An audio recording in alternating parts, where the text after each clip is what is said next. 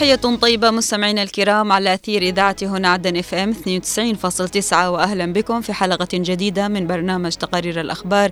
نستعرض فيها وإياكم أبرز التقارير المحلية والعربية والبداية مع العناوين.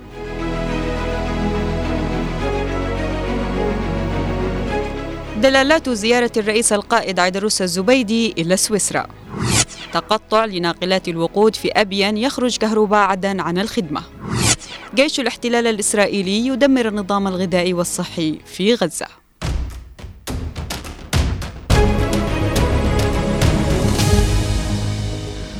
حضور دولي بارز ومهم للرئيس القائد عيدروس الزبيدي رئيس المجلس الانتقالي الجنوبي نائب رئيس مجلس القيادة الرئاسي تمثل بمشاركته في منتدى دافوس الاقتصادي الذي عقد في سويسرا. ومشاركة الرئيس الزبيدي في هذا الحدث الكبير هي حلقة جديدة من سلسلة طويلة لحضور الجنوب على الساحة الدولية في نتاج للسياسات الحكيمة التي غرسها المجلس الانتقالي الجنوبي. المزيد من التفاصيل في سياق التقرير التالي. انتصار جديد للدبلوماسية الجنوبية بمشاركة جديدة للقيادة الجنوبية ممثلة بالرئيس القائد عيدروس بن قاسم الزبيدي رئيس المجلس الانتقالي الجنوبي في منتدى دافوس الاقتصادي العالمي الرابع والخمسين بعنوان صراع الشرق الأوسط. المقام في دافوس بسويسرا بمشاركة أكثر من 2800 شخصية بينهم 60 رئيس دولة وحكومة وجمع من السياسيين ورجال الأعمال وقادة الاقتصاد من مختلف دول العالم. هذه الزيارة تأتي في ظروف معقدة في المنطقة في ظل الاعتداءات الحوثية في البحر الأحمر وما آلت إليه من نتائج سلبية على الأوضاع الاقتصادية عكست ذلك على معاناة شعب الجنوب. وتأتي هذه المشاركة لتؤكد مدى حرص الرئيس الزبيدي على إيصال قضية شعب الجنوب إلى أبعد مدى وتحقيق الهدف الأسمى المتمثل في استعادة الدولة الجنوبية على حدود عام 1990 ولتؤكد للعالم مدى صبر أبناء شعب الجنوب وتحملهم نظير ذلك أقسى المعاناة. الرئيس الزبيدي أكد خلال مقابلات صحفية على هامش مشاركته في مؤتمر دافوس أن وجود دولة جنوبية قوية يدعمها المجتمع الدولي سيساعد على خلق الأمن والاستقرار في مناطق الملاحة البحرية وأن الهدف الاستراتيجي أن تكون هناك دولتان متجاورتان وأن يقرر شعب الجنوب مصيره. زيارات الرئيس عيدروس الزبيدي الخارجية تكتسب أهمية تاريخية لإيصال مطالب واستحقاقات شعب الجنوب في استعادة دولته وبلورة قضيته من الناحية الاقتصادية بما يخدم ويؤمن للشركات النفطية العالمية حق الاستمرار وفتح لها مجالات الثقة في الشراكة العادلة وفق الطرق المشروعة. وتزامنا مع هذه الزيارة أطلق سياسيون جنوبيون هاشتاغ. الرئيس عيدروس في سويسرا أشاروا من خلاله إلى أهمية الزيارة ودلالتها في هذا التوقيت المهم لا سيما مع المفاوضات الجارية بشأن الأزمة اليمنية وكذا مع استمرار استهداف ميليشيات الحوثي الإرهابية للملاحة الدولية وخطوط التجارة وأمن واستقرار المنطقة. وما تمثله هذه الزيارة لإيصال القضية الجنوبية أمام قادة العالم. فخر واعتزاز عبر عنه أبناء شعب الجنوب تمثل بحضور دولي بارز ومهم للقيادة الجنوبية بثاني محفل دولي بعد الجمعية العمومية للأمم المتحدة وهي مشاركات كسرت حقبة من التهبيش والحضور للجنوب.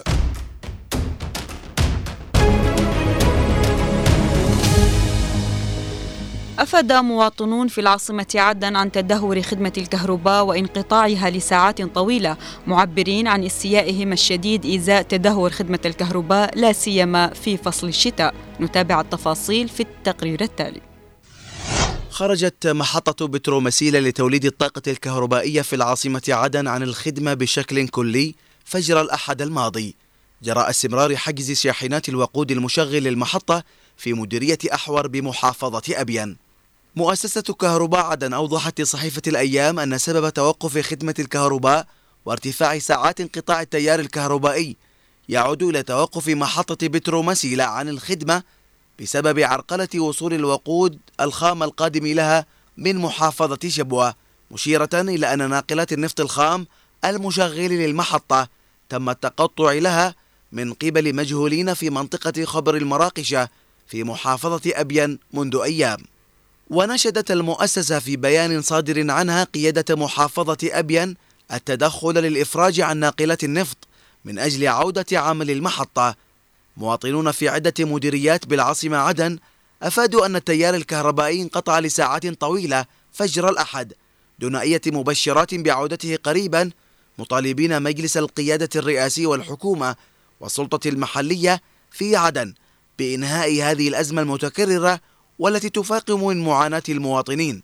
ويحتجز مسلحون قبليون في مديرية أحور شرق محافظة أبين ناقلات الوقود المخصصة لتشغيل محطة بترومسيلة وسط مطالبات بتحسين خدمة الكهرباء ورفع ساعات التشغيل في مناطقهم.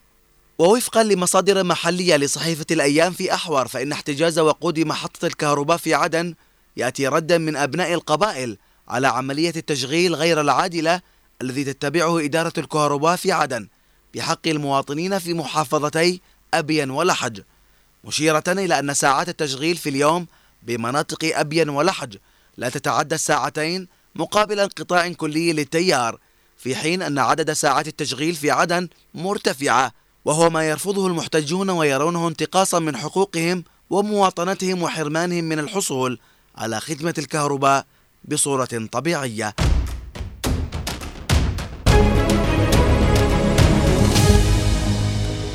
بحسب خبراء حقوق الإنسان في الأمم المتحدة يواجه سكان غزة أزمة إنسانية غير مسبوقة حيث يشكلون 80% من جميع الأشخاص الذين يعانون من المجاعة على مستوى العالم في ظل استمرار الهجمات والحصار الإسرائيلي على القطاع.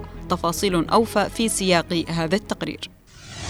أشار خبراء حقوق الإنسان في الأمم المتحدة إلى أن سكان غزة اليوم يواجهون تحديات جسيمة في تلبية احتياجاتهم الأساسية من الغذاء والمياه النظيفة مما يعزز خطر المجاعة.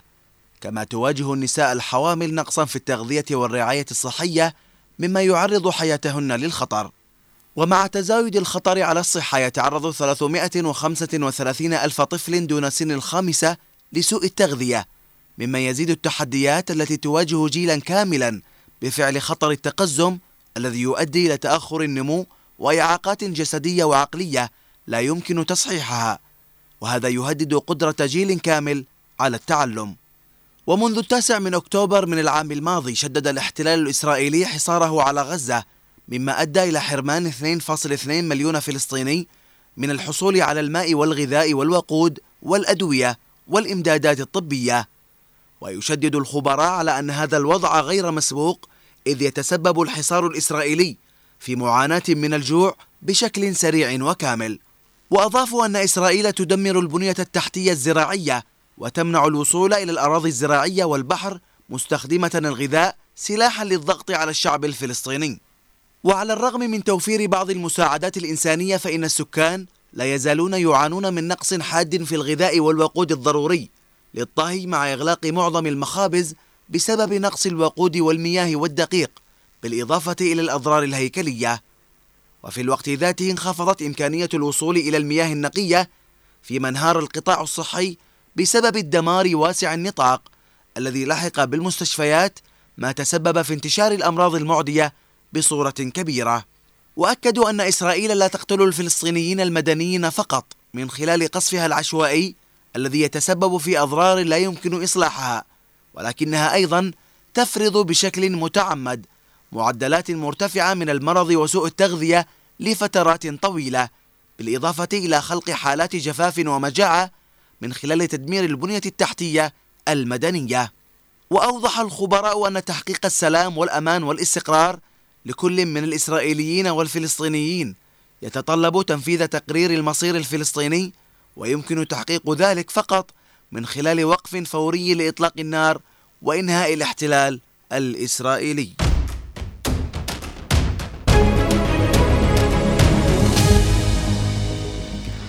أعزائي المستمعين إلى هنا نصل إلى ختام هذه الحلقة من برنامج تقارير الأخبار. كنت معكم من الإعداد والتقديم عفراء البيشي ومن الإخراج نوار المدني. أطيب التحية إلى اللقاء.